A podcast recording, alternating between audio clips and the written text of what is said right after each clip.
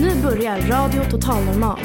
Programmet där vi med erfarenhet av psykisk ohälsa säger vad vi vill. Här är alla röster lika värda.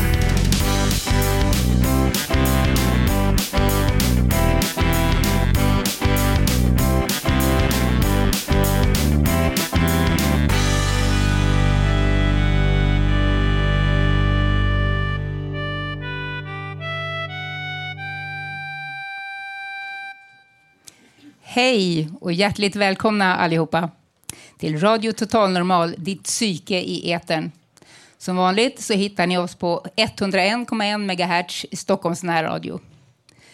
Vi är igång för första gången med en sändning här efter sommaruppehållet och vi sänder live från matsalen på Fountain House, Stockholm på Götgatan 38. Framför mig så har jag en fullkomligt underbar publik.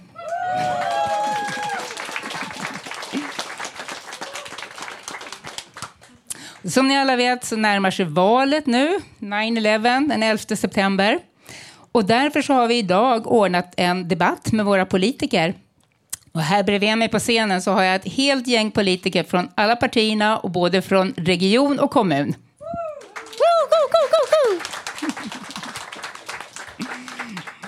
Eh, De kommer alldeles strax att få presentera sig själva. Eh, Men först tänkte jag berätta lite grann om upplägget idag. Vi har under sommaren samlat ihop frågor som vi tycker är viktiga och som vi vill ställa dem till de här politikerna. Vi hoppas att det kan hjälpa er där hemma och oss inför valet och att vi får svar på de frågor som vi har undrat över och som kanske inte har tagits upp i media. Vi på Radio Total Normal gör den här debatten tillsammans med Fountain House Stockholm, tidningen Revansch, tidningen Socialpolitik. Båda tidningarna kommer att skriva om den här debatten och vi kommer att lägga ut den som podd jag som pratar här idag heter Lilian Enbring och jag kommer att vara moderator och fördela ordet mellan er allihopa. Till min hjälp så har jag Anna Fredriksson, chefredaktör för tidningen Socialpolitik. Hon har en kohälla som låter så här när någon pratar för länge. och det innebär att vi går vidare till nästa fråga. Eh, vi har många frågor och endast en och en halv timme på oss. Så därför är det viktigt att vi är noga med tiden så att vi, inte, så att vi får ut så mycket som möjligt och får med oss svar hem. Eh, vi har delat upp frågorna i lite olika sjok eh, så att en del besvaras av regionpolitikerna och andra av kommunpolitiker. Och vi kommer att börja med en presentationsrunda där alla politiker får presentera sig. Och sen kommer vi längre fram att ha ett frågeblock där vi tar upp lite samlade frågor. Och i mån av tid har vi sen en kortare tid för publikfrågor.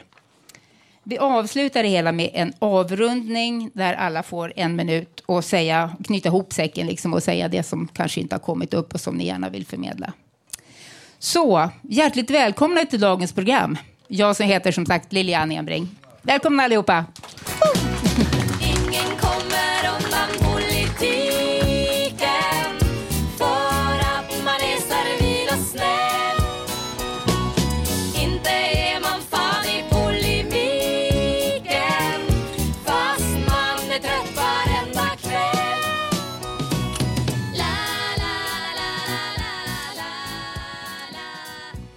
Ja, det där var en gammal goding som alla har hört någon gång tror jag.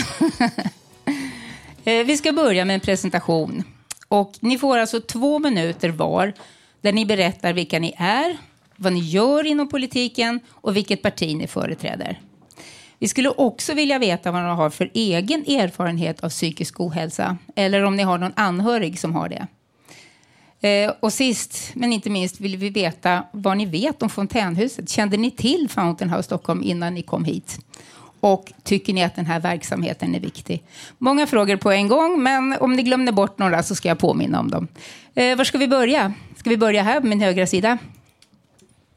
Med Martin Westmont, Sverigedemokraterna. Ja, absolut. Jag vill först och främst tacka så mycket för att jag får delta på den här viktiga debatten. Och, eh, jag representerar då Sverigedemokraterna. Och, eh, jag sitter som ersättare i tillväxt och regionplanenämnden. Jag är även ledamot i utbildningsnämnden och ledamot i arbetsmarknadsnämnden. Och eh, jag, jag ska i ärlighetens namn säga att jag kände inte till eh, ni som anordnar den här eh, debatten. Så det, jag har gått runt och tittat lite här innan, innan debatten började och jag tycker att det ser väldigt intressant ut och jag hoppas säkert att vi kan ha några studiebesök i framtiden. Vilken tur att du fick komma hit idag och lära känna oss lite grann. Absolut. Eh, sen eh, kan jag väl också säga lite min egen erfarenhet. Så, och det är väl en av anledningarna till att jag tycker att den här debatten är så viktig. Det är att jag själv hade problem med psykisk ohälsa då under tonåren. Och det var ju en tid som var väldigt jobbig och problematisk och det tog ju, för mig tog det ju säkert flera år innan jag kom ur det. Så att, eh, nej, men det här är, det är enormt viktiga frågor och jag hoppas att vi kan ha en konstruktiv och bra debatt. Tack. Tack så mycket. Vi fortsätter till Tobias Nässén från Moderaterna. Tack så mycket och tack för tillfället att vara här. Och tack också för väldigt gott eh, fika som jag hann få här innan. Tobias Nässén heter jag. Jag bor i Nacka kommun och är då vård och valfrihetsregion i Region Stockholm sedan förra valet. Ehm, och vad gör ett vård och valfrihetsregionråd? Ja, men jag jobbar mest med våra regionens egen vård eh, i form av våra akutsjukhus eh, och en del annan regiondriven verksamhet. Jag har också lång erfarenhet som kommunpolitiker i Nacka kommun och som en grund kanske för de idéer som, som jag tror mycket på det är alla människors möjlighet och också vilja att ta eget ansvar och fatta egna beslut oavsett om man kanske har en, någon form av kroppslig sjukdom eller då psykisk eh, ohälsa av något slag. Så det är en sån grundfråga som, som jag driver att varje människa oavsett vad ska ha möjlighet att kunna påverka sitt eget liv. Eh, både i vården och i andra kontakter om man behöver det i kommunen till exempel. Min närmaste erfarenhet av de här frågorna kring psykisk hälsa, eh, jag har ingen nära anhörig eller jag själv som har varit drabbad av en allvarlig psykiska problem, men eh, har ju två barn i skolåldern och eh, så den frågan kring skolungdomars stress och psykiska hälsa i skolan, kring hur skolan fungerar idag och hur det ska kunna fungera med ungdomars vanliga liv och krav och betyg och sådana saker. Där har jag rätt stor erfarenhet och också synpunkter vi kan återkomma till. Jag rundar av där och eh, tack så jättemycket som sagt för det här tillfället att komma hit. Tackar. Då fortsätter vi med Kristin Jakobsson från Centerpartiet. Tack så mycket. Eh, ja, men som sagt, Kristin Jakobsson, Centerpartiet. Jag, sitter, jag är kommunpolitiker och sitter i socialnämnden sedan ungefär två, okay, sen ungefär två år. Är det bättre? Ja, bra. Eh, och, eh, och nu ska vi se, tappade jag tråden lite grann. Eh, ja, men socialnämnden som sagt. Eh, och eh, eh, jag är fritidspolitiker. Det betyder att jag har ett vanligt jobb vid sidan av och ägnar mig åt politik på mestadels kvällar. Ehm, och det här med psykisk ohälsa är ju som sagt ett växande problem eh, bland unga och eh, inte minst skolan.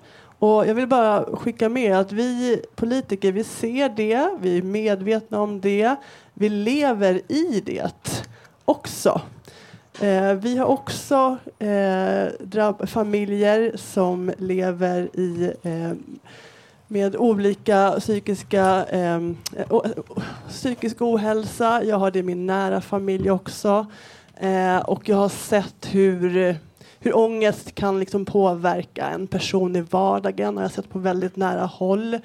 Eh, så att vi, vi ser det här, det är ingenting som är bortglömt från politiken utan vi vill göra det vi kan för att underlätta för er för att ändra strukturer, för att göra samverkan mellan olika aktörer bättre.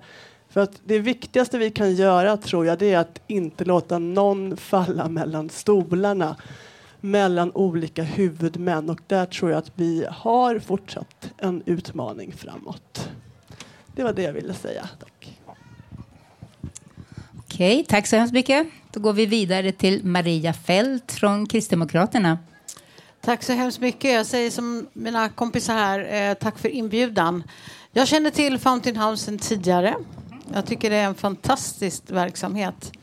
Jag eh, representerar då Kristdemokraterna här idag och jag är gruppledare för Kristdemokraterna i hälso och sjukvårdsnämnden. Men jag har min huvudsakliga dagliga verksamhet i Upplands Väsby där jag är kommunalråd och ordförande i socialnämnden.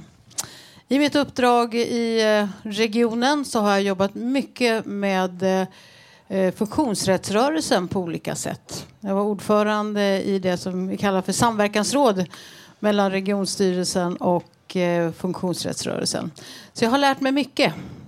Och det här med brukardialog och brukarinflytande är någonting som ligger mig väldigt varmt om hjärtat. Och jag vet att kanske några av er var på NSPHs utfrågning förra veckan där vi också fick lära oss en massa när det gäller detta med brukarinflytande. Eh, min egen erfarenhet av psykisk eh, hälsa eller ohälsa det är eh, min dotter har en bästa väninna som blev sjuk väldigt hastigt.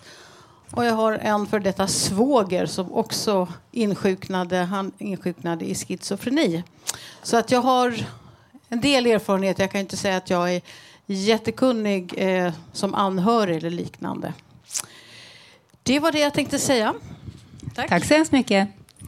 Och ja, då fortsätter vi till Gabrielle Gersvold från Miljöpartiet. Tackar. Tack för att jag fick komma. Eh, eh, jag heter då Gabrielle Gersvold och är, eh, som vi kallar det, toppkandidat. Jag står först på vår fullmäktigelista i Stockholms stad. Eh, och i övrigt så jobbar jag som administrativ chef, så jag är inte eh, politiker just nu. Eh, jag lever med en depression sedan hmm, 30 år ungefär. Och brukar vara öppen med det för att minska stigmatiseringen kring det och att det inte är, är så himla allvarligt. Eller att det går att leva med. Och att man inte är konstigare än någon annan om man har det heller. Eh, jag känner till Fountain House eh, på ytan, ska jag säga. Eh, men jag ska inte säga att jag kan allt om vad ni gör, så det ska också bli väldigt spännande att föra era frågor kring det här. Ja, det var det. Tack. Okej, tack så mycket. Då går vi vidare till Anna Starbrink från Liberalerna. Tack så mycket. Tack för möjligheten att komma hit. Jag, jag är ordförande i Region Stockholms hälso och sjukvårdsnämnd. Så jag är hälso och sjukvårdsregionråd. Eh, och jag känner till eh, Fountain House sedan tidigare. Jag har besökt eh, verksamheten tidigare. Jag tycker det är så härligt att komma hit. För man möts av så mycket positiva vibbar på något sätt. Och många av er idag har ju också bara spontant berättat vad, vad viktigt det är. Vad betydelsefullt det är som en, en plats att få komma till. Och som är mycket öppen och så. Eh, min egen personliga erfarenhet, ja, den, för egen del så hade jag ganska en kort period av psykisk ohälsa i samband med att jag var gravid. Jag skulle precis föda mitt andra barn och så dog min mamma och då blev det för mycket på en gång. Och jag fick fantastisk hjälp. Och det var viktigt för mig. Eh, sen är jag ju nu mamma, jag är tonårsmamma nu. Och då kommer man i kontakt med de här frågorna på ett nytt sätt. Och det, eh, det känns viktigt tycker jag att vi alla är medvetna och om att vi pratar om det här. Jag blir så glad när min kollega från Miljöpartiet säger att vi måste bryta stigmat. För det håller jag helt med om. Och det kan vi hjälpas åt att göra tillsammans. Jag stannar där. Tack så mycket. Och då kommer vi till, eh, vad säger jag nu, jo, Taila Al- Al-Kurdi från Socialdemokraterna. Ja, tack. Ja, som sagt, Talal Kurdi är gruppledare för Socialdemokraterna i hälso och sjukvårdsnämnden sedan början av den här mandatperioden. Eh, och ja, det är, när det kommer till eh, psykisk ohälsa så är det ju så att eh, det är, har upplevt det som anhörig eh, genom närstående, eh, släktingar och även vänner i olika slag och olika grad, så att säga. Och när det kommer till Fountain House så har jag hört talas om er, men jag har aldrig besökt er verksamhet, så det är första gången jag är här och jag är så glad över att få vara här. Eh, och ser fram emot att ja, men, höra dels vilka frågor publiken har, men också de vittnesmål och erfarenheter som ni kan skicka med till politiken. Tack. Och då har vi sist, men absolut inte minst, Alexandra Mattsson från Vänsterpartiet. Välkommen. Ja, tack. Eh, jag heter Alexandra Mattsson och är vice ordförande i socialnämnden i Stockholms stad och representerar Vänsterpartiet. Eh, jag har suttit i socialnämnden de senaste åtta åren, både då i majoritet och nu senaste åren i opposition. Jag tycker att det är jättekul att den här debatten blir av och hoppas att vi får möjlighet att prata om andra frågor än de som diskuteras i partiledarutfrågningar och som vi kan läsa om eh, i olika tidningar just nu, vilket kanske inte är de frågorna som de flesta är berörda av. Eh, jag har varit på Fountain House många gånger. Jag är engagerad i styrelsen här på min fritid. Tycker att det är en jätteviktig verksamhet. Eh, erfarenhet av psykisk ohälsa, eh, främst kanske från tonåren, men annars som anhör i min släkt och så, vänner. Okej. Tack så hemskt mycket. Det är jättekul att ha er här verkligen. Eh, så ska vi säga att, ja, varm applåd till allihopa som har kommit. Eh, nu ska vi gå in i nästa avdelning och då är det frågor som vi har förberett lite grann. Och det kommer gå till så att ni får en minut var på er att svara. Och ibland kommer jag säga vem jag vill ska svara först eller också så får ni rycka en fråga, men det kommer att ge sig. Är det något ni undrar över så bara fråga. eh, Okej, då börjar jag med första frågan här. Ett hot som vi här på Fountain House har levt under de senaste åren är att hyran höjs och marknadsanpassas. Samtal om flytt skapar ångest och dåligt mående hos många av medlemmarna. Tycker ni att det är viktigt att personer med psykisk ohälsa ska få ha sin återhämtningsverksamhet centralt här i staden där det liksom är lättast för alla att komma till? Och dessutom så är det ju viktigt med kontinuitet och vi har faktiskt funnits här i 42 år. Så frågan är, är ni beredda att ge bidrag som täcker marknadshyrorna? Och då vill jag först ställa frågan till Alexandra Mattsson och även till Kristin Jakobsson så småningom. Ja, tack. Jag kan börja.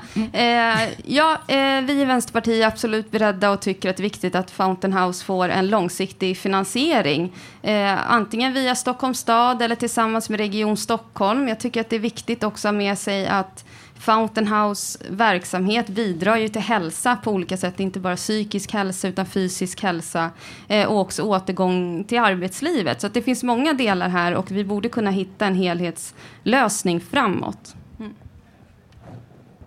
Kristin Mattsson. Eller Kristin, förlåt, Jakobsson. förlåt. Tack, tack så mycket. Eh, nej men självklart är det viktigt att verksamheten kan fortsätta. Eh, den bidrar med mycket mervärde. Eh, det är viktigt att det finns lokaler naturligtvis som folk lätt kan ta sig till och då är det ju som du säger eh, kan det vara viktigt att det finns eh, centralt så man kan ta sig in från olika delar i staden. Ehm, det är också viktigt, tänker jag, att ha verksamhet ute i stadsdelarna. Eh, som är mer liksom, det, behöver inte, det ena behöver inte ersätta det andra, men båda kan vara viktigt. Så att det är centralt är inte liksom den enda lösningen. Det kanske är den bästa lösningen för Fountain House efter så lång tid. Det är väl etablerat och många känner till och många hittar hit och har en anknytning till verksamheten. Eh, men det är klart att att verksamhet som är nära människor där man bor kan också ha ett tydligt mervärde. Ehm, jag är inte medveten om den här hyresdiskussionen. Ehm, så jag har svårt att svara på rak arm. Men att verksamheten ska fortsätta och kunna fortsätta, det är naturligtvis jätteviktigt. Ja, nej, vi tycker ju heller inte att det behöver utesluta varandra att starta flera Fountain House. Det skulle verkligen behövas. Eh, lokalt på olika ställen. Men, men som sagt, vi har funnits här i 42 år så vi vill gärna åtminstone ha en central punkt att utgå från. Okej, tack för de svaren. Eh, så har vi nästa fråga. Och det är den handlar om en så kallad kommunarrest som gäller när det gäller psykisk ohälsa. Vi som bor i en annan kommun eller stadsdel än Stockholm, vi får inga bidrag för att komma till Fountain House, utan hänvisas till en träfflokal där vi bor, vilket inte alls är samma sak. Eh, om träfflokalen dessutom läggs ner, då har man inga möjligheter alls. Det känns som att ni har svårt att samarbeta mellan kommun och region och följden kan bli att en person skrivs ut från vården till total ensamhet. Vad har ni att säga om det? Jag tänker rikta eh, frågan först och främst till Anna Starbrink från Liberalerna. Ja, men, tack för det. Och så oerhört viktigt att den här länken från vården till eh, livet utanför vården och det kommunala ansvaret, att den fungerar. Och det vet vi att det inte är tillräckligt bra. Det finns utredningar om det också som har gjort att det där måste förbättras. Eh, vi ser också att kommunerna och regionerna börjat samarbeta lite bättre. Det är faktiskt en av få fördelar med pandemin, att det har blivit ett bättre och tätare samarbete. Sen måste kommunerna sinsemellan också samarbeta så att man har möjlighet om man bor i en annan kommun än Stockholm att få komma hit. Och där önskar jag att det skulle vara mera sömlöst och enkelt. Och då finns det en samarbetsorganisation för Stockholmsregionens alla kommuner. Och då tycker jag att det skulle vara så önskvärt att alla faktiskt samlades där och sa att våra invånare ska inte behöva bry sig om man åker över en kommungräns. Vi unnar dem det bästa och för många är det ju att få komma till Fountain House. Så att jag, jag är för mycket mer av en sömlös region där vi som invånare kan röra oss fritt och inte är låsta i vår egen stadsdel eller vår egen kommun. Tack. Eh, om inte jag har fel så sa eh, Kristin Jakobsson här lite grann om samarbete. Så här, har du någonting mer att säga till om det, den här frågan? Den här är så specifik, den här frågan. Men jag kan inte göra annat än att hålla med Anna såklart. Det ska inte Människor ska inte falla mellan stolarna på grund av byråkratiska hinder. Jag blir liksom rosenrasande när jag hör sådana exempel från verkligheten eller från vardagen, människors vardag. Eh, det måste bli bättre. Eh, vi ser det på andra håll också inom elevhälsan, psykiat- eller BUP, eh, socialtjänsten. Alltså det, det måste, någonting måste göras. Det är liksom mitt, mitt enda svar jag kan ge där. Eller mer måste göras rättare sagt. Okej. Ja, det här var roligt. Det var många som ville säga någonting om det. Vi börjar med Tobias Nässén från Moderaterna. Tack så mycket. Nej, jag vill egentligen fylla på det som Anna Starbrink var inne på. Jag tror att Anna tänkte på den här mötesplatsen för alla kommuner i Stockholms län som kallas för Storstockholm. Och jag, bara som ett tips att det skulle kunna vara en bra idé att på något sätt uppvakta Storstockholm för att prata om de frågor som är högst upp på, på er agenda. För det är en väletablerad samverkansorganisation mellan kommunerna men det tenderar ofta att bli mycket arbete och så kring eh, kanske infrastrukturfrågor. Vi har ett gemensamt gymnasieval som Storstockholm sköter. Eh, men inte så ofta frågor om psykisk hälsa och sådana saker. Så det tycker jag kunde vara en, det var en bra tanke från Anna som jag gärna eh, fyller på att verkligen kanske etablera en kontakt tydligare. Tack. Tack. Då tar vi, eh, får Anna Starring svara igen. Ja, men jag kom på en sak och nu nämnde eh, Tobias Nässén det, nämligen det här gymnasievalet. För några år sedan, ganska många år sedan nu, då fick man ju inte välja gymnasieskola. Då fick man bara gå i den egna kommunen. Det var inte alls självklart att man kunde få söka gymnasieskola någon annanstans. Där kunde ju kommunerna träffas och komma överens och bestämma att våra ungdomar ska få välja skola som de vill, inte som några byråkrater har tänkt sig. Och det där har ju blivit jättepopulärt. Så med det som utgångspunkt eller modell så skulle man ju kunna hitta på en lösning även för den här typen av verksamheter och mycket annat också. Tack. Eh, då är det Maria Fält va, som flaggade lite. Mm. Okej, tack för ordet. Eh, jag håller naturligtvis, jag tänkte också säga Storstockholm, men nu är det sagt flera gånger så att nu kanske det har fastnat. Eh, jag tänkte så här att eh, om jag tittar på det lokala perspektivet är väldigt dålig kunskap hos politikerna om just psykisk hälsa eller ohälsa. Och det leder ju till att man eh, kanske inte tänker på det här med den här kommunarresten som du nämnde. Jag tror att vi har jättemycket att göra ute i kommunerna och i förlängningen tror jag att det kan bli det här samarbetet mellan, mellan kommunerna eller mellan kommunerna och regionen. Men vi måste bli mycket bättre på de här frågorna. Tack. Vad har ni andra? Ja, vi kan börja med Alexandra, eh, Ja, tack. Jag tänker frågan om eh, kommunarrest och husarrest för personer som är liksom beroende av socialtjänstens insatser är ju absolut ingenting nytt. Utan så är det ju idag och det har ju med socialtjänstlagen att göra och så vidare. Att eh, när eh, socialtjänsten ska jag ger en placering till en person utanför kommunen då kommer det kosta mer i den kommunens budget. Så därför är det också viktigt skulle jag vilja säga oavsett samverkan i Storstockholm och så att det finns tillräckligt med medel på socialtjänsten för att kunna bevilja placeringar på Fountain House och så vidare. För annars kommer det vara budgeten som får styra och då är träfflokal lokalt det billigaste alternativet för den kommunen. Så att jag tycker att det är viktigt att säga här också. Mm. Jättebra. Oj, tack så mycket. Vill Taila Al-Kurdi fortsätta från Socialdemokraterna? Ja, precis. Först vill jag hålla med Alexandra i det hon tog upp. Men därtill, vi har ju lyft eh, samverkan med, inom Storstockholm. Men därtill tror jag att det är viktigt att lyfta upp samverkan när det kommer mellan regionen eller politiken och brukarorganisationer eller civilsamhället. För i vår region så är det ändå så att där har man ju bestämt sig för att dra ner antalet möten för just samverkan. Men även när det kommer till bidragen för, till civilsamhället. Och det är klart att det blir ju svårare då för politiken att ta del av den senaste informationen. Att kunna ta med sig då till just de här andra forumen som Storstockholm. Så vi behöver ju öka möjligheten och forumen i kontakten mellan civilsamhället och politiken. Men också politikens vilja och resurssättande av civilsamhällets arbete. För annars så missar vi ju eh, missar vi just de viktiga punkterna som ni tar upp. Tack. Gabriel Gjersborg, Miljöpartiet. Tack. Ja, nej men det, det är väl bara egentligen hålla med att eh, det inte ska, alltså byråkratin ska inte sätta stopp för folks mående. Om det är det bästa så måste det kunna gå att lösa. Vi har kunnat lösa andra samarbetssaker, det borde vi kunna lösa det här också. Det är väl egentligen, ja. Och har du någonting från eh, Martin Westmont, Sverigedemokraterna?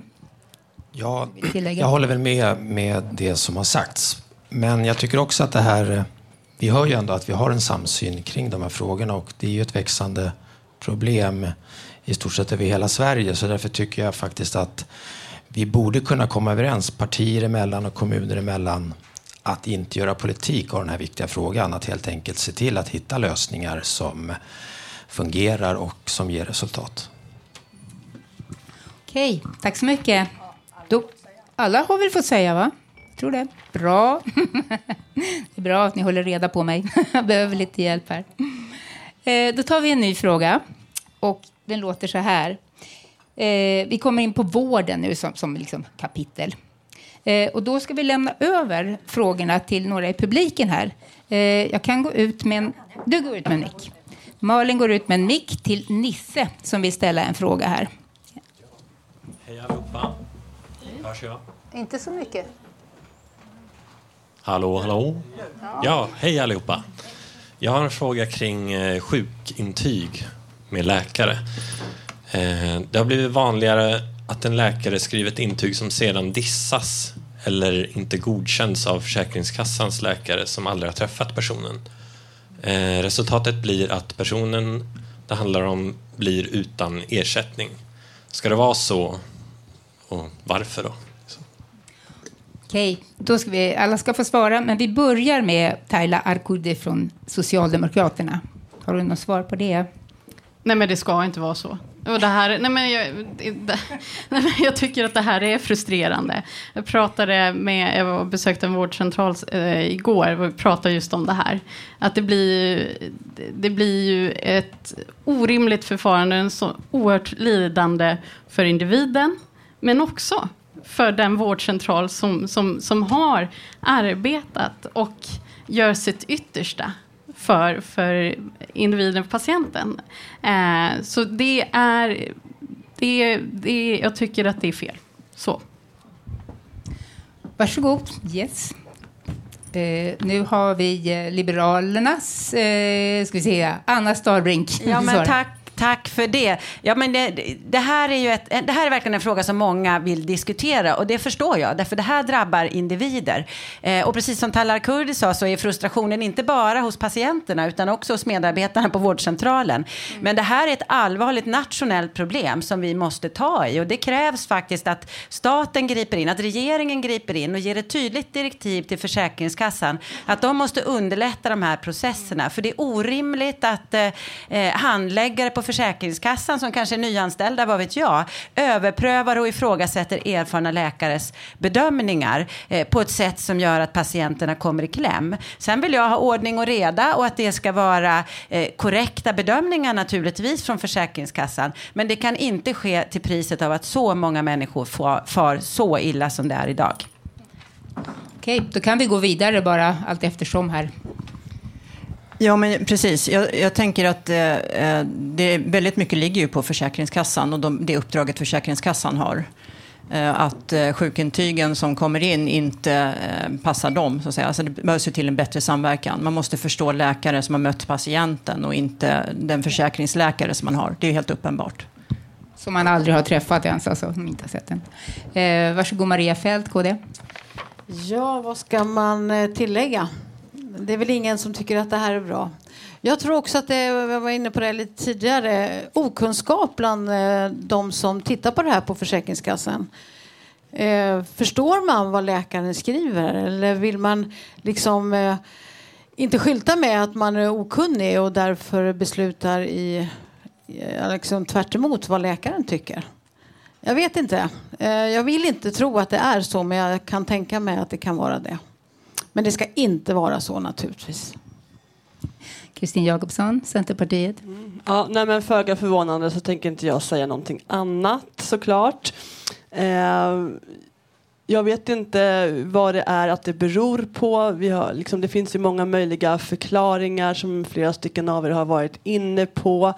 Jag skulle vilja se mer liksom, vad ska man säga? Nej, men om, man inte, om man är nu ung och oerfaren och inte riktigt förstår vad det står i de här läkarintygen att, att man ändå inte bara avslår utan att man faktiskt försöker vinnlägga sig om att förstå eh, på något sätt. Att det borde ingå i själva handläggningsrutinen på Försäkringskassan eh, utan att jag vet hur den ser ut då. Eh, men uppenbarligen så avslås det eh, sådana här intyg.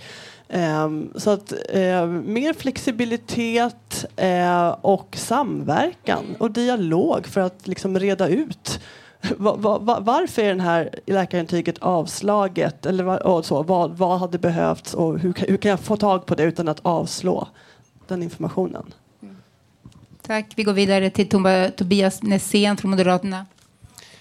Ja, nej men eh, ett viktigt område förstås. Och här, det perspektivet jag skulle vilja komplettera med är väl att jag kan tycka att det borde egentligen krävas en, en så att säga, dialog inom professionen. Om en läkare på en vårdcentral och en försäkringsläkare anställd av Försäkringskassan. Där borde det naturligtvis pågå ett successivt samarbete hela tiden över hur är läkarintyg utformade, vad är det för termologi man använder etc.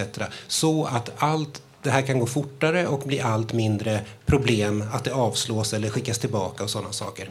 Och sen också höja ett varningens finger ändå för dels kanske väldigt tuffare ekonomiska tider och att vi har på ett antal områden också problem med organiserad brottslighet som nästlar sig in i våra offentliga system. Så det måste både vara rättssäkert för patienten och för läkarprofessionen och för Försäkringskassan så att det går snabbt och blir korrekt eh, utbetalat. Så att alla de här intressena måste bli bättre än idag. Tack. Mm, tack så mycket. Martin Westman från Sverigedemokraterna. Ja, det är som sagt det är en väldigt komplex fråga och eh, varje fall skiljer sig ju. Så det är ju svårt att uttala sig om eh, specifika fall sådär. Men jag håller med föregående talare. Vi måste ha eh, bra kontroller och uppföljning. Och eh, jag, jag är absolut positiv att man ser över rutinerna för att helt enkelt förbättra dialogen mellan parterna. Och jag tror att det är en, eh, det första steget vi måste göra helt enkelt mellan Försäkringskassan och brukaren. Att man försöker hitta en bra, bra dialog där så att man kan hitta lösningar som, som fungerar. Tack så mycket. Och Alexandra Mattsson från Vänsterpartiet. Ja, jag, tänk, jag tänker också att det här är ju inget nytt det du berättar om, utan det här har ju pågått sedan eh, regeringen Reinfeldt, tror jag, sen har regering efter regering fortsatt den här eh, hetsjakten på sjuka människor, vilket det faktiskt handlar om. Att Försäkringskassan är ju en myndighet som styrs av regeringens direktiv, det vill säga de som styr i, inne i riksdagen. Och det går ju självklart att förändra. Eh, det är ju någonting som Vänsterpartiet tycker är jätteviktigt, att återupprätta sjukförsäkringen. Eh, för det har blivit hårdare regler och precis som inom socialtjänsten så har Försäkringskassan också börjat anställa egna läkare som gör egna bedömningar och sätter sig över vårdcentralernas och så. Och det handlar ju om att spara pengar. Det handlar också om den här misstron eh, som du var inne på, som många eh, pratar om, bidragsfusk och så vidare. Samtidigt visar forskning att det är liksom fler som har rätt till bidrag som inte vågar söka det för att de är rädda för avslag än som faktiskt fuskar. Så att jag tycker inte heller att den här fuskretoriken ska gå ut över sjuka människor som det gör idag. Som tvingas leva på ekonomiskt bistånd under många år när man skulle haft sjukersättning. Jättebra. Tack så hemskt mycket. Eh, ville du säga någonting, Tala? Ja, men egentligen så var du inne på det, Alexander, men jag skulle vilja komplettera med ytterligare att här kan ju faktiskt region, om det handlar om, privat, om vårdgivare, som inte utför sitt uppdrag på rätt och korrekt sätt, ja, då är det så, klart så att regionen måste göra mycket bättre kontroller och uppföljningar när det kommer till om, vårdgivarna. Men det ska ju inte drabba individen som är sjuk och som behöver sitt rättmätiga stöd. Det, det gäller att skilja på de två. Eh, tack så mycket. Jag tror att vi får lov att avbryta den frågan, även om det är flera som vill säga någonting. Vi måste komma vidare, tyvärr. Eh, nu vill jag lämna ordet till Nicky som har en egen fråga, medlem här på huset. Kan vi få en mikrofon så vi hör? Tack. tack. Uh, ja, jag har egen erfarenhet att har blivit tvångsvårdad, eller LPT. Eh, metoder som tvångsåtgärd och tvångsmedicinering används idag i psykiatrin. De här upplevelserna kan kännas brutala och omänskliga. Till exempel, här är frågorna. Hur kan det vara tillåtet att spänna fast personer som är sjuka? Varför fortsätter Sverige med det när andra länder använder andra metoder? Och vem ska ta ansvar för att mänskliga rättigheter efterföljs inom psykiatrin? Tack. Då lägger, lämnar vi ordet till, till att börja med Maria Fält från KD och sen kommer alla från re, regionen att kunna svara. Ja, jag är faktiskt eh, svaret skyldig hur det kan vara tillåtet. Vi har ju en lagstiftning som ligger till grund. Och den lagstiftningen eh, är ju då regioner och kommuner och alla andra tvingade att följa. Så att jag skulle vilja att man börjar där det ska börjas att titta över lagstiftningen för tvångsvård. Mm, tack. Eh, vi kan fortsätta med Tala Al-Kurdi från Socialdemokraterna. Ja, men dels håller jag med Maria där, men sen så tror jag att från regionens sida så behöver vi utöka antalet platser när det kommer till frivillig inläggning. Jag tror att det är ett viktigt steg som regionen måste ta och utöka dem mycket, mycket mer. Så regionen har ju ett ansvar, förutom att det, när det kommer till den nationella lagstiftningen så har ju regionen ett eget ansvar att se till att utöka de platserna, för då får vi eh, en mer värdigare vård. Med, eh, se, nu vart eh, Liberalerna här och Eh, Anna Starbrink. Ja, tack tack för det. Eh, otroligt viktig fråga och en stor debatt som har pågått länge i Sverige. Att vi har ganska mycket av tvångsåtgärder och hur ska vi komma bort från det? För jag tror att vi alla ser att det önskvärda är ju att man minimerar tvångsåtgärderna och bara använder dem i situationer där det verkligen inte finns något annat alternativ och det handlar om att rädda liv och hälsa eh, och skydda, eh, skydda människor. Men det, det, det har ju också granskats många gånger och man konstaterar att det finns en viss slentrian i det här. Och jag tror att det vore bra att vi eh, nationellt tog ett nytt grepp om det och försökte minimera tvångsåtgärden och framförallt rikta dem, när man ändå måste ta till det, att de blir så små som möjligt och att de omgärdas av ett tydligt regelverk. Och det är ju naturligtvis så idag. Det är ju inte, eh, hoppas man ju inte lättvindiga beslut, men ibland så upplever jag att det är så.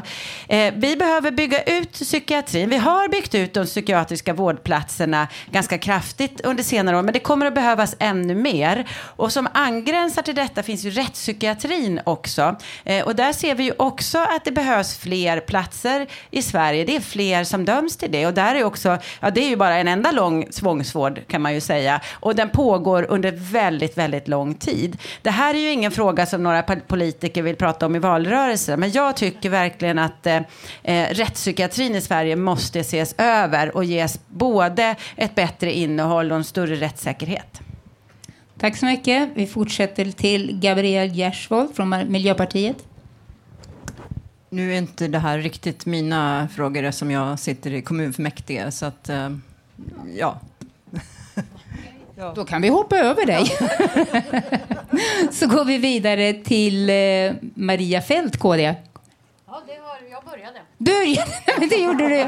Nu börjar jag bli lite trött i luvan här. Eh, då ska vi se, inte där, utan Tobias Nässén blir det då, från Moderaterna.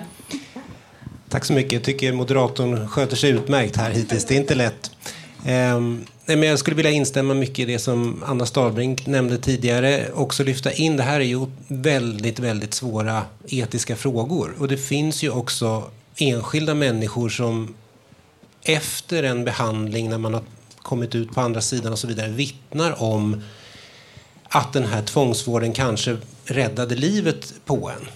Så det är ju, det är ju verkligen inte svart eller vitt, utan det är, men samtidigt behöver vi ju hela tiden följa upp. Och jag skulle också vilja lyfta in då det här perspektivet, hur viktigt det är med att fortsatt forskning inom det här området. Att Sverige kan klara av att ligga i framkant av behandlingsformer, eh, medicinsk utveckling på olika sätt. Vi har kommit långt inom den psykiatriska vården men det finns absolut mer saker kvar att göra. Och eh, kanske har vi en blivande riksdagsledamot, en Anna Starbrink, som kan driva på på det området. Tack. Tack så mycket. Och vi fortsätter till Martin Westmont från Sverigedemokraterna.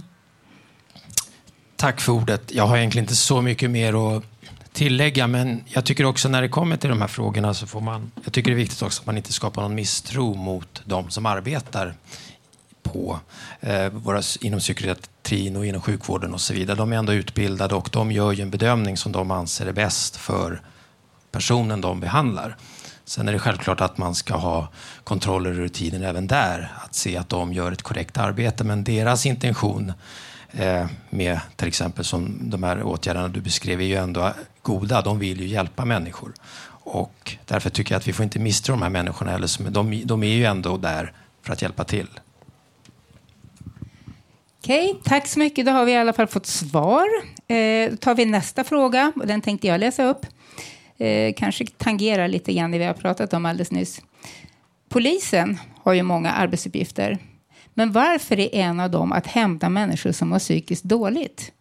Bara för att man är psykiskt sjuk så är man ju faktiskt inte kriminell. Jag vet, inte vad, jag vet att det finns psykiatriambulanser, men varför finns det inte fler? Jag har knappt hört någonting om det. Eh, jag tänker lämna ordet till alla regionpolitiker, men jag tänkte faktiskt ändå, ja, jag kan börja med dig för du viftar så glatt. Eh, Anna Starbrink, Liberalerna. Ja, tack för det. Ja, psykiatriambulansen är ju en fantastiskt tillskott och det handlar precis om det du beskriver. När man mår väldigt dåligt, då ska man få hjälp av vården. Eh, polisen gör stora fina insatser, men de är inte utbildade inom det här. Eh, och psykiatriambulansen kom till eh, för några år sedan. Det var Liberalerna som tog initiativ till det och det är vi väldigt stolta över. Nu har vi utökat den, så nu har vi två.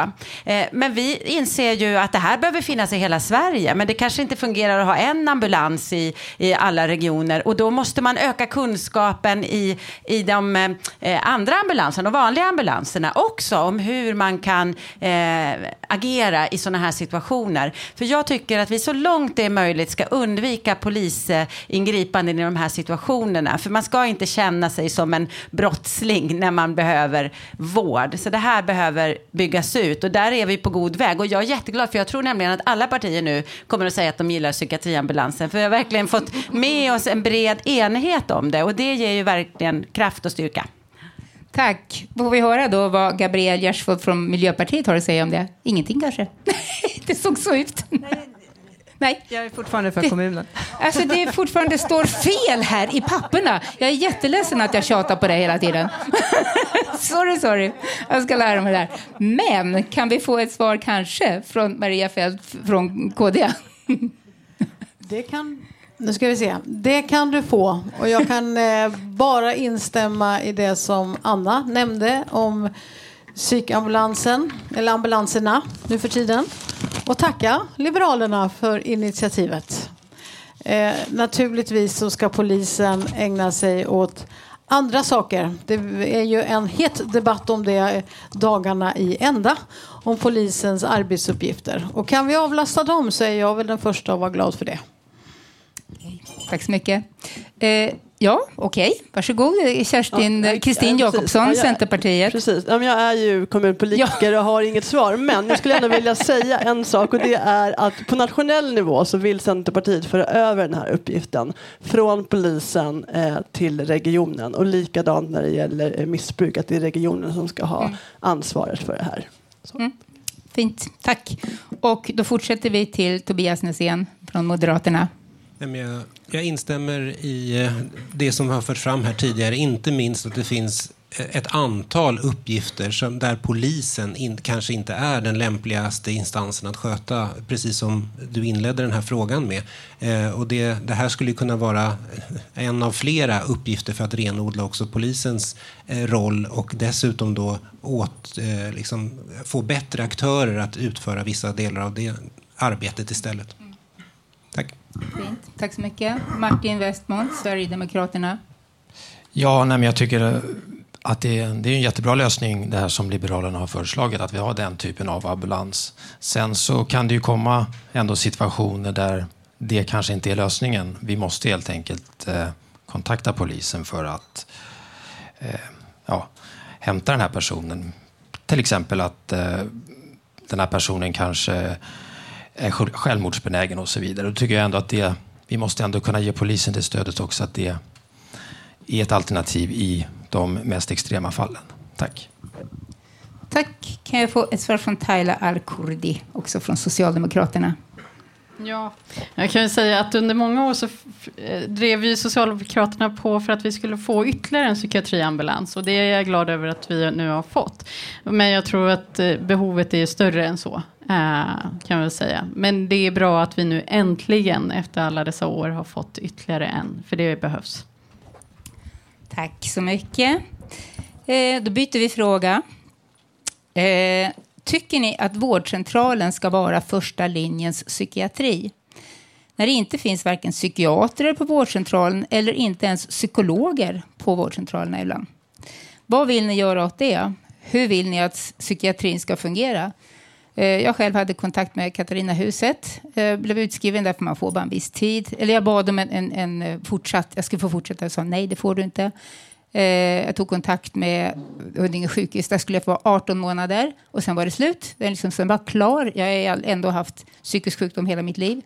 Och sen blev jag återremitterad då till vårdcentralen. Och där ska de medicinera mig och alltihop. Och, och jag frågade min läkare, hon är underbar, på vårdcentralen. Jag sa, men hur kan ni klara det? Ni har inte utbildning för det. Nej. Vad tycker ni att vi ska göra åt det här? Jag skickar frågan först till Martin Westman här, eh, Westmont från Sverigedemokraterna. Har du någon idé?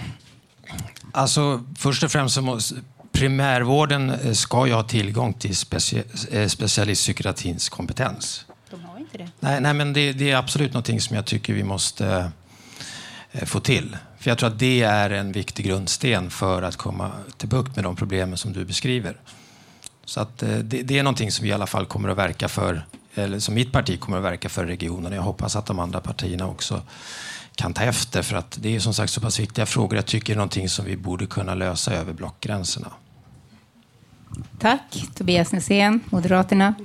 Ja, men vi fem partier i, som samarbetar i styret av Region Stockholm har ju sjösatt en reform eh, som är under arbete och genomförd nu vad gäller första linjen eh, psykisk hälsa för barn och unga. Eh, och jag tror ändå att jag har full förståelse för bakgrunden till din fråga vad gäller tillgång till rätt kompetens. Men det är också viktigt att vi bygger huset från grunden, det vill säga en stark och välbemannad primärvård eh, som kan vara navet i vården för eh, människorna, den nära vården. Och sen behöver vi, som vi var inne på här, vara bättre på att bygga en närmare samarbete mellan primärvård och specialistvård naturligtvis. Och har man behov som hör hemma i specialistvården, ja då är det ju där som man ska ha sina hälsokontakter eh, och det fungerar ju på många sätt, möjligen även här då bättre på den somatiska vården än den psykiatriska vården. Eh, men jag tror att vi framöver kommer att se betydligt eh, närmare kontakt mellan primärvård och specialistvård. Men återigen, målet är att primärvården ska vara navet kring patienten. Eh, och får vi till det så kommer den övriga vården också att ha mycket att vinna på det. Tack. Mm. Varsågod, eh, Kristin Jakobsson från Centerpartiet. Eh, tack. Eh, nej men jag har eh, också tilltro till den här reformen såklart eftersom vi varit med och, och drivit igenom det. Eh, men eh, jag vill ändå tillföra att jag, eh, och, och jag har också goda erfarenhet, erfarenheter från det från min vårdcentral. Men eh, eller från vår vårdcentral. Eh, men jag förstår att det inte fungerar så överallt eh, och att mer behöver göras. Eh, och eh, I Centerpartiet så går ju vi till val på att öka finansieringen till primärvården till 25 procent. Det är under 20 procent idag om jag är rätt informerad. Eh, och mer pengar till den nära vården tror jag skulle göra en stor skillnad i möjligheten att också anställa personal med rätt kompetens och erfarenhet också för den här typen av problematik. Tack. Vi fortsätter till Maria Fält, KD. Ja, jag står också bakom det här att vårdcentralen ska vara första linjen för mild och måttlig eh, psykisk ohälsa. Sen finns det tillgång till specialistvård. Eh, jag tycker också, Kristdemokraterna, vi har ett förslag om att eh, regionen ska ta hela ansvaret för barn och ungdomsvården. Det vill säga elevhälsovården ska övergå till regionen så att inte heller där blir någon typ av mellan-stolarna-sammanhang. Eh, utan att regionen ska ha det totala ansvaret. Men vårdcentralen och primärvården är jätteviktiga och vi har ju jobbat flera år med att få till en hållbar och robust primärvård.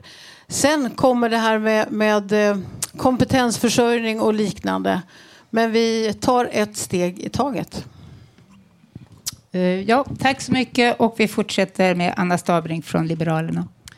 Tack för det. Ja, men att vi ska ha eh, den, psykiska, att den psykiska hälsan eller våra problem med psykisk ohälsa ska vara lika en, eh, liksom enkelt att söka vård för som kroppslig sjukdom. Det tycker jag är viktigt. Det är en viktig princip.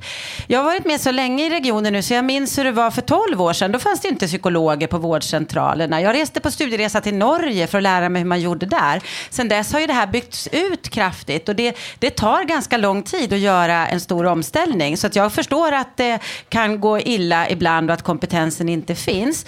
När det gäller eh, de yngre så är det nu 77 av våra vårdcentraler som har det här utökade uppdraget om särskild kompetens. Eh, och då är det inte så att alla vårdcentraler i Stockholm kommer att ha eh, psykologer anställda, utan det kommer nog att vara så att mindre vårdcentraler samarbetar och delar på kompetensen. Men ungefär 30 procent, drygt 30 procent av alla som söker vård på vårdcentralen, de har psykisk ohälsa. Då måste man kunna kunna få hjälp där. Och då ska jag använda ett svårt ord, nämligen nivåstrukturering. Om man kan få hjälp på vårdcentralen vid lätta och måttliga besvär, då lämnar det lite mer luft i den specialiserade psykiatrin som kan lägga sina resurser på de som har större behov. Om vårdcentralen inte räcker till, ja då ska man få komma vidare i vården och få den hjälp man behöver. Men jag tror att den här reformen är viktig och den måste få genomföras fullt ut. Eh, och det betyder ju också att kompetensen bland- bland våra läkare i primärvården behöver också stärkas. För att jag möter också läkare, precis som du, som säger att det här är vi, eh, det här är vi osäkra på, det här behöver vi förstärka och då krävs det utbildningsinsatser. Men jag tror att det är rätt väg att gå, för då blir eh, den första linjen psykiatri tillgänglig för alla. Jaha. Det- Precis, tack så mycket. Och där var vi klara med den frågan. Nej, va? En kvar? Ja, förlåt, förlåt. Taila Arkurdi, Socialdemokraterna, har inte fått svara. Nu ska vi höra vad som kommer. Ja, men tack.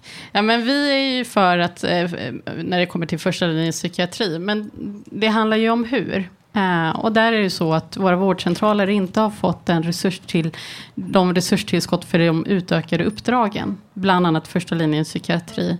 Det är väldigt tydligt att det är så. Eh, och därför menar vi socialdemokrater att, ja, men, att man måste höja eh, anslagen eller resurserna till vårdcentralen så mycket mer för att man överhuvudtaget ska kunna bemanna upp. Men sen så menar vi att vi, vi ser i varje stadsdel och kommun så finns det någon vårdcentral som är större som har någon form av områdesansvar. Så. Och det menar vi behöver formaliseras än mer när det kommer också till kompetensbemanningen. Är det så att det finns mindre vårdcentraler som inte klarar av just att tillhandahålla första linjens psykiatri, ja, men då, fin- då ska ju den där stora vårdcentralen vara den som har det, så att man kan samarbeta vårdcentraler sinsemellan och då får vi en första linjens psykiatri. Men därtill, jag, det här är komplext, jag måste ändå få lyfta komplexiteten. Men det får inte heller innebära att vi utarmar kompetensen på specialistpsykiatrin. Det, det är väldigt viktigt att när vi genomför de här reformerna, resurser är väldigt viktiga, men att tillvägagångssättet inte innebär när det kommer till specialistpsykiatrin att man inte utarmar bemanningsresurserna där heller. Tack så mycket.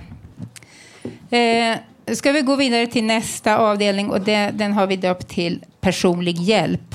Och då har vi en medlem här på huset som heter Elinor som skulle vilja ställa en fråga. Hur ska man få reda på vad man ska söka för olika stöd och ekonomiska eh, ersättningar? Hur ska man kunna sedan få hjälp att söka om man inte har anhöriga som hjälper till eftersom att det är så krångligt? Den här frågan tänker vi ställa till staden då, då och då börjar vi med Kristin från Centern. Sen Alexandra. Kristin Jakobsen. Ja, men så länge man går i skolan i alla fall så borde det ju vara självklart att man får den hjälpen man behöver och kan bli lotsad till rätt Eh, antingen liksom eh, andra personer inom skolan eh, det är upp, eh, eller eh, liksom, eh, socialtjänsten eller till, till psykiatrin. Eh, men vi vet ju att det eh, krävs mer för att det ska bli så. Eh, det är jätteviktigt med en utbyggd elevhälsa exempelvis. Ehm, och det är jätteviktigt eh, med, alltså vi vill stärka elevhälsan i skolan genom att, att eh, elev, en representant från elevhälsan ingår i ledningsgrupperna på skolan exempelvis så att de perspektiven alltid finns med i beslut som rör skolans verksamhet. Så länge man går i skolan så tänker jag att eh, att det, det borde vara det bästa sättet. Sen kanske det inte är så, men vi får fortsätta jobba vidare på det. Eh, sen så tänker jag, eh, om man vänder sig till socialtjänsten så de har ju ett samordningsuppdrag, de har ju ett samverkansuppdrag, de måste kunna prata med varandra. Eh, men det fungerar inte så alltså. Eller jag uppfattar att det inte fungerar så och det eh, beklagar jag. Ja, tack för ditt svar. Eh, skulle vi kunna få ett svar från eh, eh Alexandra Mattsson, Vänsterpartiet? Ja, det är ju många som upplever att kontakten med myndigheter, inte minst socialtjänsten, är väldigt krånglig och det är väldigt mycket blanketter och det är väldigt mycket man måste skriva exakt på rätt ruta. Om man kryssar fel får man inget hjälp och så vidare. Eh, I Stockholm så finns det ju dels något som heter personligt ombud där man kan få hjälp med sådana saker eller ska kunna få det. Eh, sen ska ju också, som Kristin var inne på, socialtjänsten själva kunna vara behjälpliga vid det här så att det inte ska behöva vara så krångligt. Men då tror jag, precis som vi var inne på förut, alltså socialtjänsten måste ha tillräckligt med bra budget för att kunna ha anställda och ha tid och inte ha så många att hjälpa samtidigt. Det är jätteviktigt. Eh, men sen generellt så har vi ett väldigt krångligt, svåröverblickbart system. Så är det, som kanske mer är liksom anpassat efter hur organisationen i Stockholms stad ser ut än vad brukarna efterfrågar. Så, eh, där kanske brukarrörelsen skulle kunna vara med och ta fram och göra det enklare, tror jag. Mm. Tack för det svaret. Har Gabriel Gersvold från Miljöpartiet någonting att tillägga? Ja, eh, förutom att vi behöver stärka personliga ombud så eh, behöver, tänker vi, vill vi också utveckla arbetet med peer support. Där de, det är ju människor som själva upplevt psykisk ohälsa och som också har återhämtat sig, som kan vara ett stöd för att man ska återhämta sig och få hjälp i samhället. Sen tror vi också att vi behöver göra fler IOP med civilsamhället som, som vi tror når ut till de grupperna som kanske inte kommer till staden eller socialtjänst och man kan få hjälp och stöd och hitta rätt. Tack så mycket. Eh, nästa ämne som vi tänkte komma in på är att komma ut i arbete. Eh, och eh, då lyder första frågan så här. Hur kan det bli lättare att få ett arbete utifrån sina förutsättningar? Försäkringskassans regler är mycket fyrkantiga och många kan behöva helt andra upplägg för att kunna arbeta utifrån sin egen förmåga. Hur vill ni att det här ska kunna se ut? Eh, alla kanske får svara, men jag tror jag lämnar frågan till Gabriel Gersvold, Miljöpartiet, till att börja med.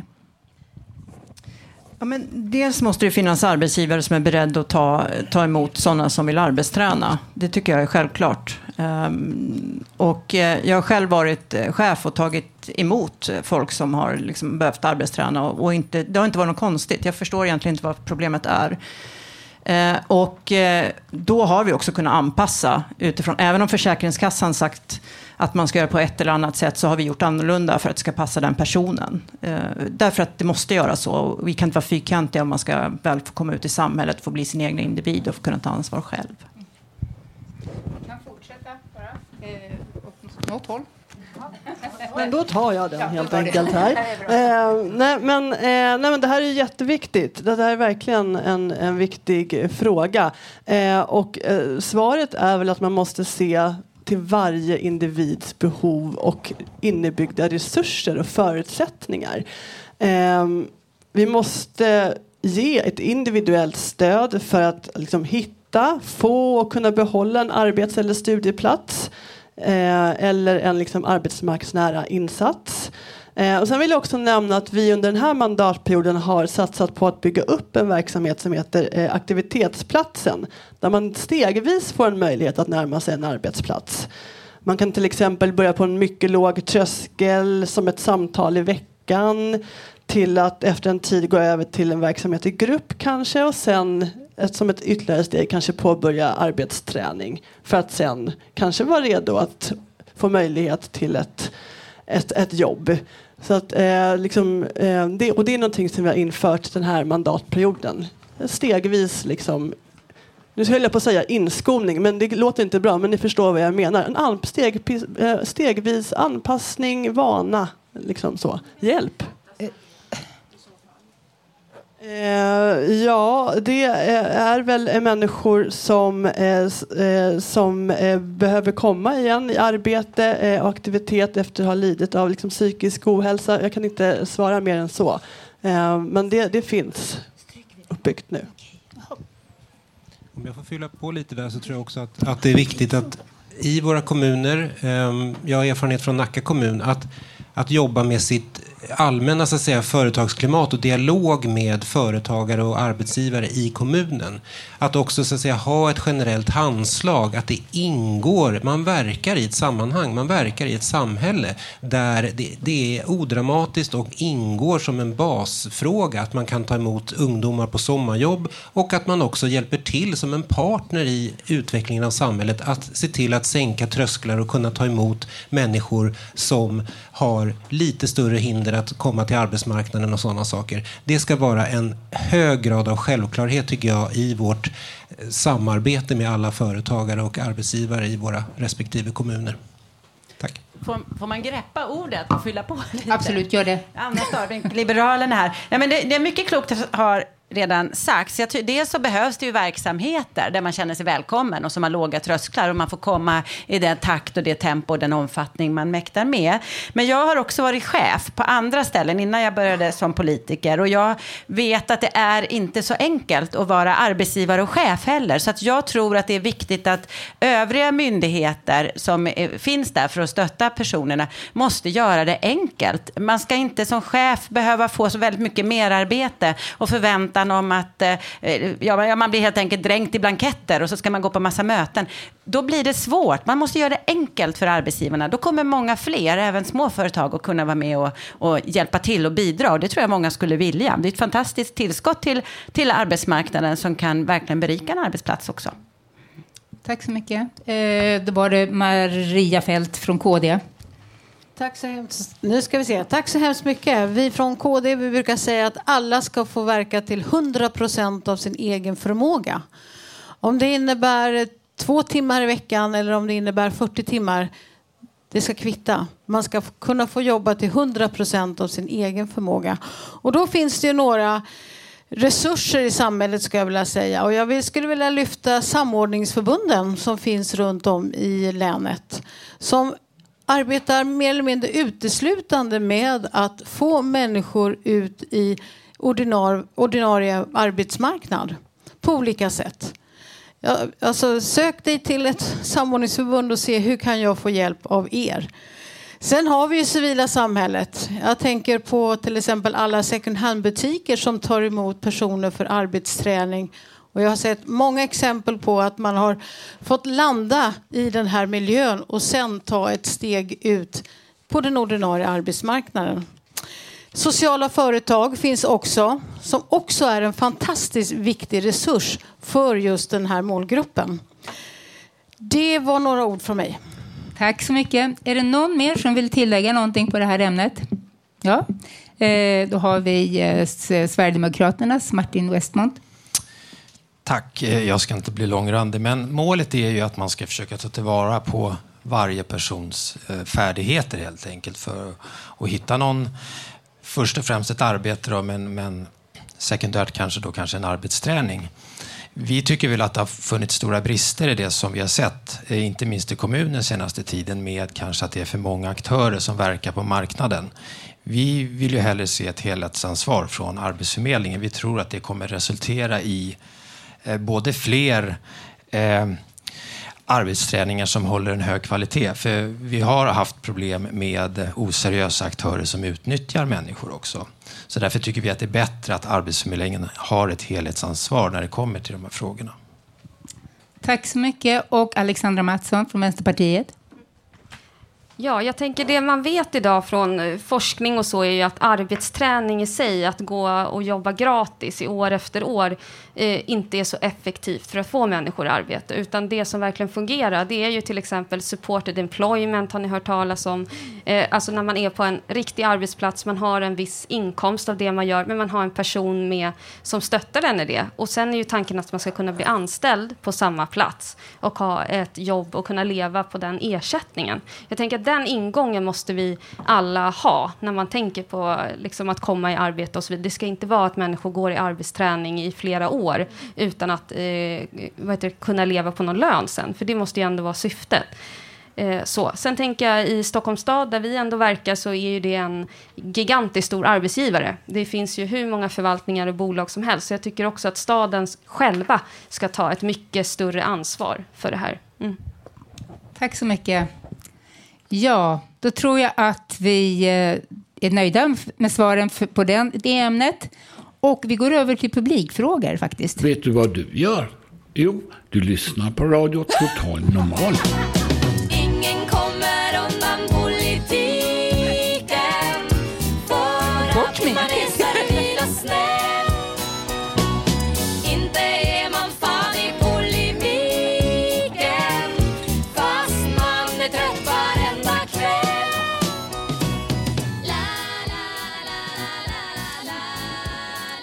Ja. Då ska vi öppna med att låta vår eh, klubbhuschef Gunilla Byström ställa en fråga. Välkommen fram. Ja, men eh, hörs det här? Ja. Hej, Gunilla heter jag. Jag är verksamhetschef här på Fountain Stockholm. Vi har också Johan, han sitter här. Han är verksamhetschef för Sköndals fontänhus. Vi har alltså två fontänhus här i Stockholm.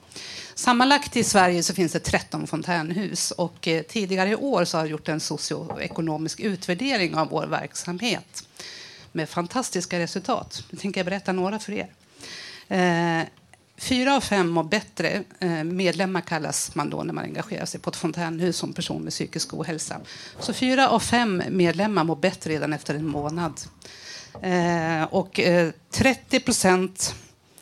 Eh, nu- så här, jag börjar om. Fyra av fem mår bättre efter stöd från fontänhuset och 30 procent redan efter en månad att man har varit på fontänhuset.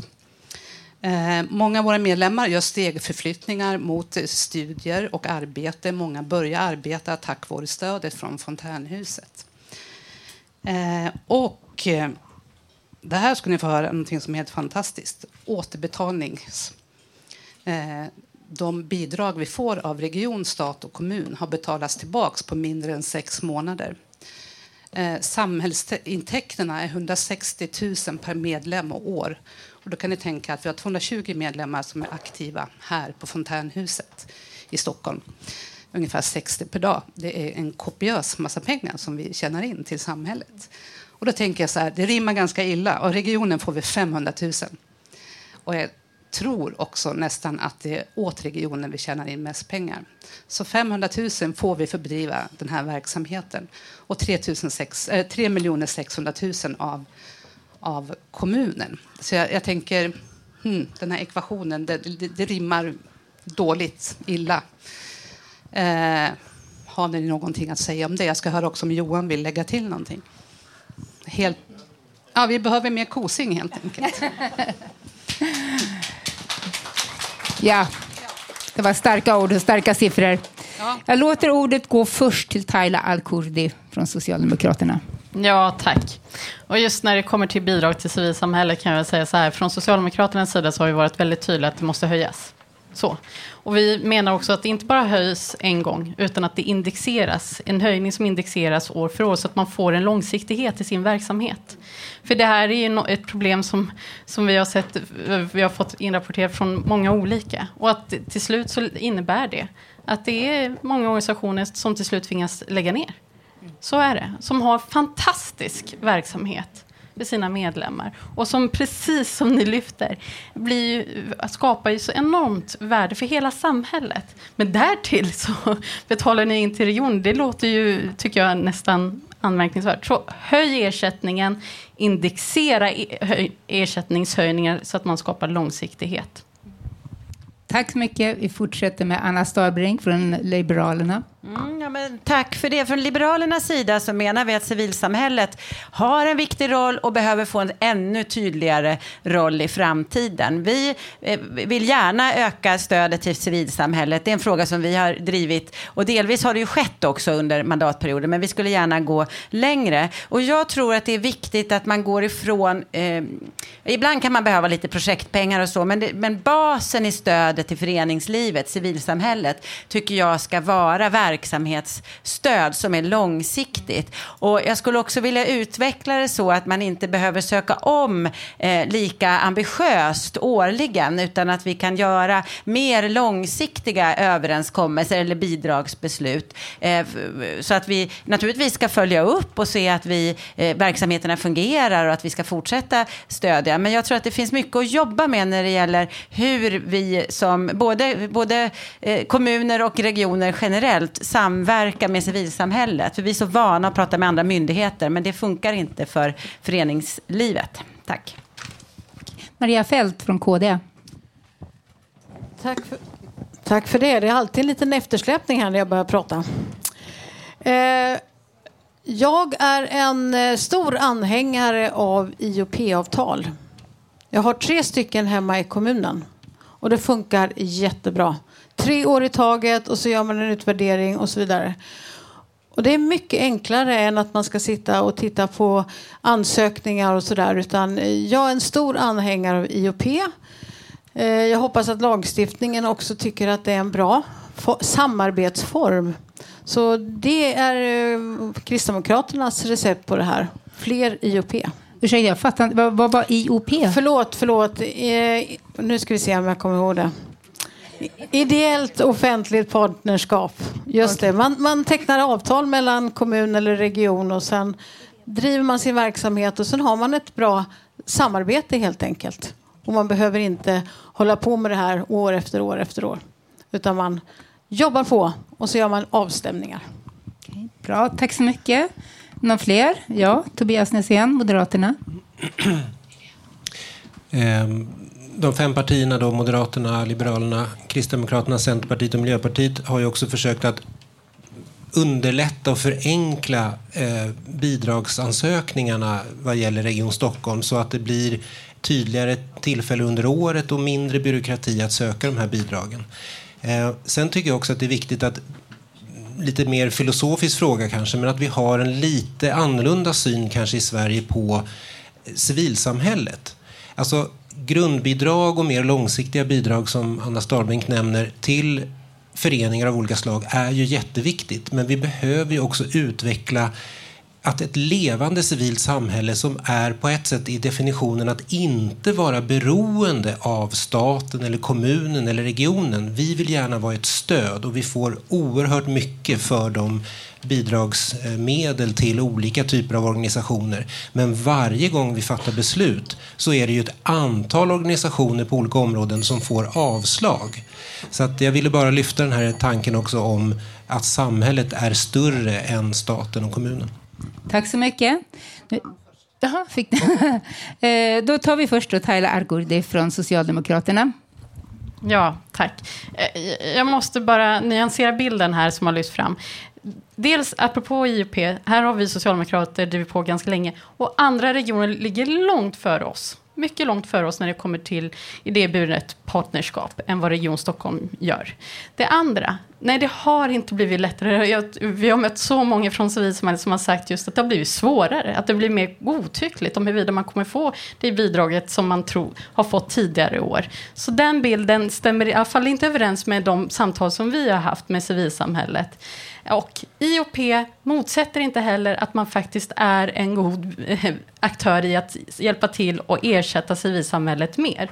De två sakerna går inte emot varandra, skulle jag vilja säga. Utan vi behöver båda sakerna, vi behöver förstärka dem och vi behöver skapa en långsiktighet för civilsamhället att verka i Sveriges rikaste region. Vi går vidare till Alexandra Mattsson från Vänsterpartiet. Ja, jag tänkte instämma lite i det att eh, i Stockholms stad socialnämnd till exempel, där har vi ju eh, stöd till civilsamhället med 100 miljoner årligen och det är vi överens olika partier om att ge så pass stor. Region Stockholm är ju en gigantisk stor budget eh, och har då till exempel i det här fallet några hundratusen till fontänhuset som sparar in så mycket pengar varje år, främst till regionen. Så jag tycker att det är kul att höra att eh, de styrande regionpolitikerna ser positivt på det här. Det låter fantastiskt tycker jag eftersom Moderaterna har styrt Region Stockholm nu i fyra år. Eh, och, i sex, eh, fyra perioder, 16 år. Eh, och det kan ju inte vara så heller att den här valfriheten som värnas så mycket bara handlar om Kry och olika mobilappar utan också till exempel civilsamhället. Så att det låter jättepositivt tycker jag. Tack så mycket. Nu börjar vi få lite ont om tiden, men Anna Starbrink från Liberalerna, till kort. Mm, men tack för det. IOP, ja, men det är ett krångligt begrepp, men det handlar ju precis som Maria Fält beskrev om ett samverkan där. Eh, det finns andra regioner och kommuner som har fler sådana. Jag vet inte om Fountain House har, har väckt frågan om det skulle vara en möjlighet. Det har inte kommit upp till politikernas bord. Vi har en IOP i Stockholm med Erika-stiftelsen och ser positivt på att att skapa fler. Men det finns begränsningar. Det som handlar om sjukvård, det som eh, andra aktörer erbjuder inom sjukvård, där kan man inte ha eh, IOP. Eh, och när det gäller samverkan med eh, civilsamhället så är det ju fantastiskt att Stockholms stad, som, där ju socialtjänsten leds av Liberalerna och eh, Jan Jönsson, har det här starka stödet. Vi arbetar för att utveckla det och inte minst eh, eh fördjupa samverkan med de olika organisationerna i regionen också. Och jag hoppas att vi från Liberalerna ska få starkt stöd för det i fortsättningen också. Tack så mycket. Då tror jag Gunilla Byström vill säga någonting mer här men- i ämnet. Hör- Ja, ja, tack till IOP, både från regionen och staden. Och eh, regionen vet jag har inlett IOP med två ytterligare organisationer i år. Bosse, Råd och Stöd och så någon till. Och så tycker jag också eller konstigt, de pengar vi söker, de, de som har möjlighet att söka det här verksamhetsbidraget eller eller det här bidraget är ju så skiftande organisationer. Eh, Jag kan inte riktigt förstå att man har slagit ihop samma organisationer. Det kan vara knypplande finskor i Rinkeby. Ja, men liksom. och, så, och så är det vi. Jag tycker att det finns en viss eh, skillnad på, på verksamheter. Eh, och sen tänkte jag helt enkelt också kuppa nu när det står åtta politiker här, jag ska göra det jättefort. Eh, ni säger alla att ni vet lite grann om fontänhus, men jag skulle vilja säga att vi erbjuder så himla mycket inom samma, i samma verksamhet. Förutom då att vi har en arbets och gemenskapsorienterad verksamhet varje dag så erbjuder vi också våra medlemmar stöd och hjälp att komma ut till arbete, studier och praktik och behålla detsamma. Eh, Vi har också ett program för eh, att främja våra medlemmars hälsa. Som ni kanske vet så, så personer med psykisk ohälsa har 15-20 års kortare medellivslängd än övrig befolkning, vilket är förskräckligt i ett land som Sverige. Eh, så där erbjuder vi också aktiviteter för att förbättra det. Vi har också ett socialt program efter arbetstid eftersom man Lever man med psykisk ohälsa så har man en utsatt ekonomi. Man har inte råd att ta sina barn till, på en utflykt i skärgården på sommaren. Man kan inte gå på bio eller någonting. Det söker vi fondpengar till så att vi kan hjälpa våra medlemmar att de kan få en bra aktivitet på sommaren och med sina familjer. Allt detta för 8,5 miljon. Det är liksom, och så många människor som tar del av det här. Så jag vill bara skicka med det. Och nu är det val, vi vet inte hur det blir. Men liksom, välkommen, ta med er era kollegor, besök oss och Sköndal. Och ja, det finns mycket att hämta och lära. Tack så mycket. Tack, tack Gunilla. Självmord? Nej. Peter. Eh, nu kommer en till eh, medlemsfråga från Peter som han får ställa här. Kom fram till mikrofonen är du snäll. Ja, det kommer bli korta svar för nu tiden blir jättekort hela tiden. Ja, väldigt kort. Då. Eh, För jag har en väldigt lång historia, ko- kort och koncis. Jag har bara en fråga. Varför finns det ingen instans som man kan vända sig till om man tycker man blivit felbehandlad inom psykiatrin? Jag fick en diagnos 1984. Sen dess jag tycker att jag har blivit felbehandlad inom psykiatrin. Så, kan, Tack jag Peter, vet- jag- jag se vet om att någon vill svara på den frågan. jag vet att ni är kommunalpolitiker och regionpolitiker och så, men ni är ändå politiker. Ni kanske kan svara lite varför sak jag saknar den instansen. Ja, då har vi Anna Starbrink som är beredd att lämna ett svar här från Liberalerna. Ja, men eh, det, det, jag, jag känner ju inte alls till din historia, men det finns några instanser att vända sig till och patientnämnden är ju en sådan. Eh, sen är det ju så att om man blir felbehandlad då ska man också kunna eh, ja, vända sig till patientnämnden och förstås också prata med vårdgivarna. Och är det allvarliga incidenter så finns det också en statlig myndighet som heter IVO. Eh, så att det finns en modell för att jobba med detta. Men jag är medveten om att det är väldigt svårt för enskilda patienter att nå fram. Men då är mitt bästa råd patientnämnden. Ja. Tack så mycket. Är det någon mer som har något svar på, på Peters fråga? Okej. Ja, dito. Då går vi vidare efter dito och har en fråga som är inskickad till oss av Anna. Men hon är tyvärr inte här idag. Hon har blivit sjuk covid. Nej, ska vi inte ta den frågan? Okej. Då måste jag kolla här med producenterna hur mycket tid vi har. Vi har jätte... Då är det den som, är, som gäller nu då. Okidok, så blev det med det. Vi hann nästan i hamn, men då så. skicka med lite frågor som ni kan titta på. Ja, en.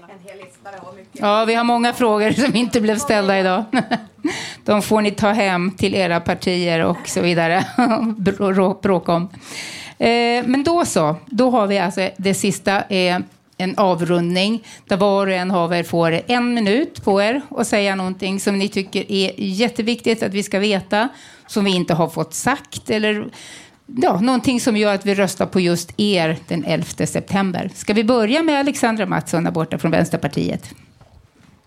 Ja, eh, hallå. Ja, den 11 september är det ju val och jag skulle vilja uppmana alla framförallt att använda sin röst och speciellt de röster som inte hörs så ofta och man ska rösta på det man själv tror på och det viktigaste är att man går och röstar. Vill man rösta på ett parti som vill satsa väldigt mycket på välfärden framför eh, andra saker så är det ju Vänsterpartiet man ska rösta på. När det gäller att få en bättre socialtjänst, en bättre psykiatri och så vidare. Eh, och jag tycker att det är jättekul att Fontänhuset har bjudit in till den här debatten idag. Det var jättekul att få diskutera lite andra frågor än, både, än liksom screena barn eller språktesta barn och så vidare. Utan det känns som en bra debatt och jag vill tacka för det och uppmana alla att gå och rösta den 11 september.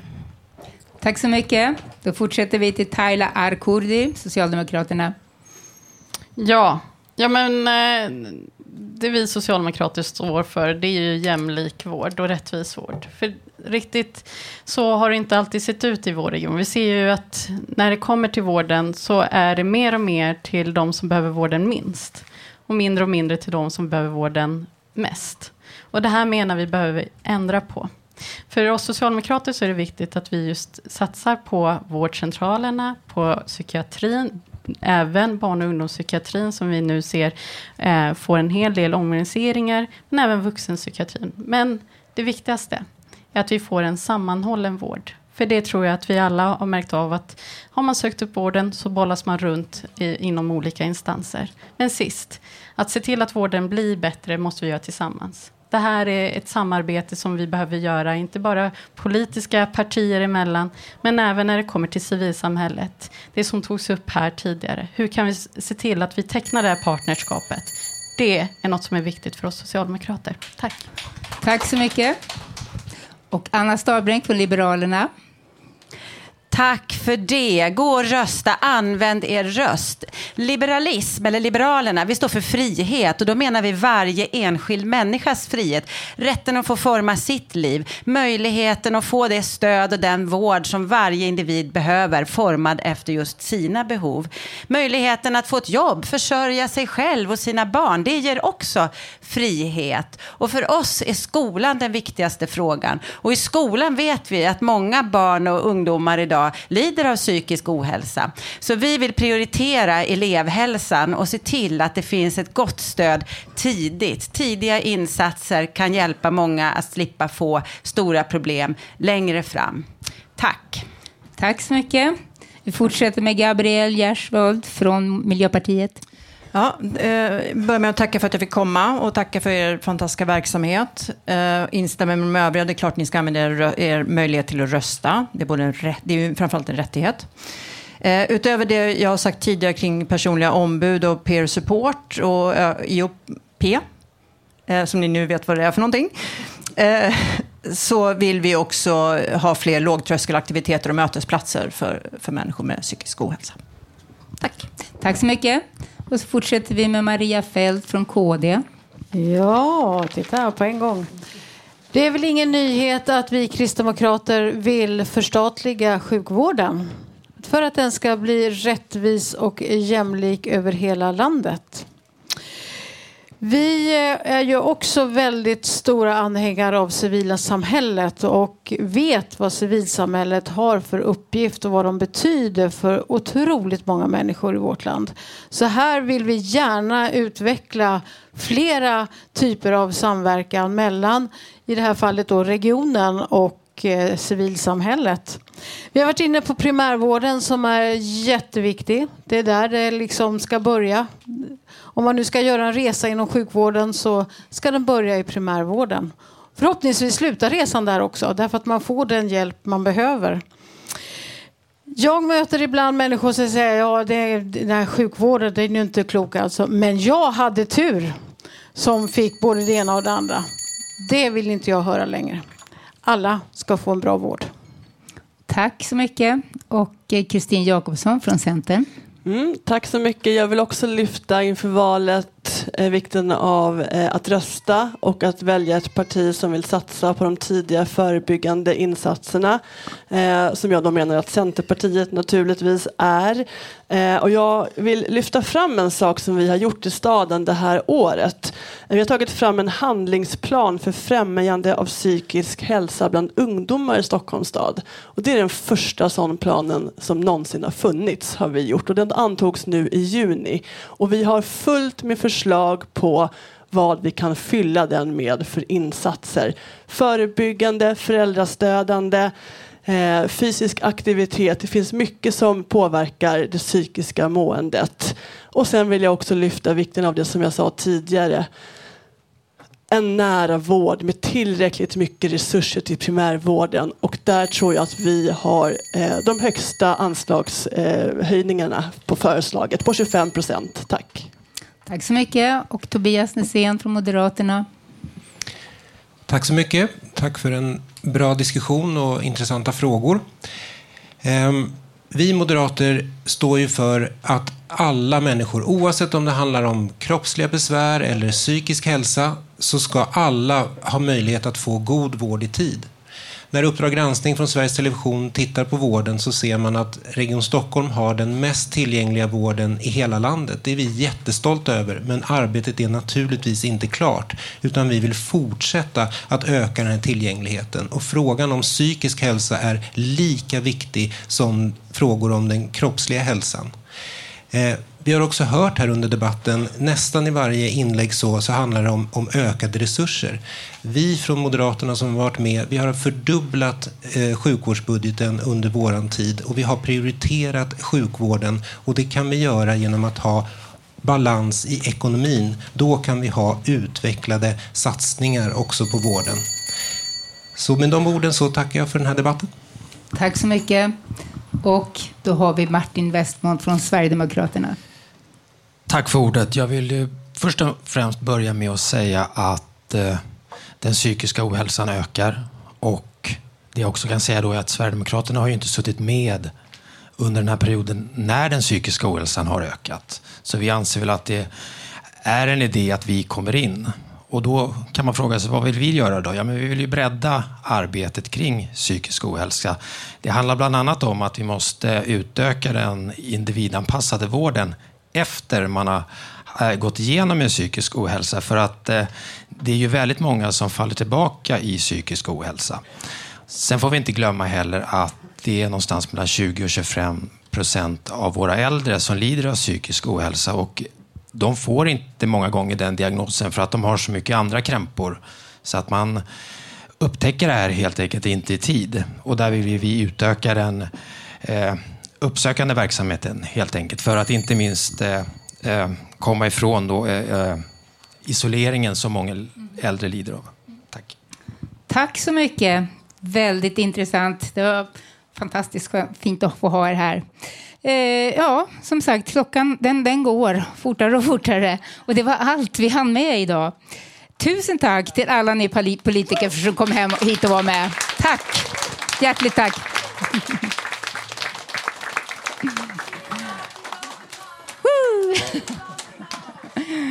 Tack också till publiken och våra samarbetspartners Anna Morin från Revansch och Anna Fredriksson från Socialpolitik. Och tack Fountain House. Hoppas att ni där hemma har fått några svar inför valet den 11 september.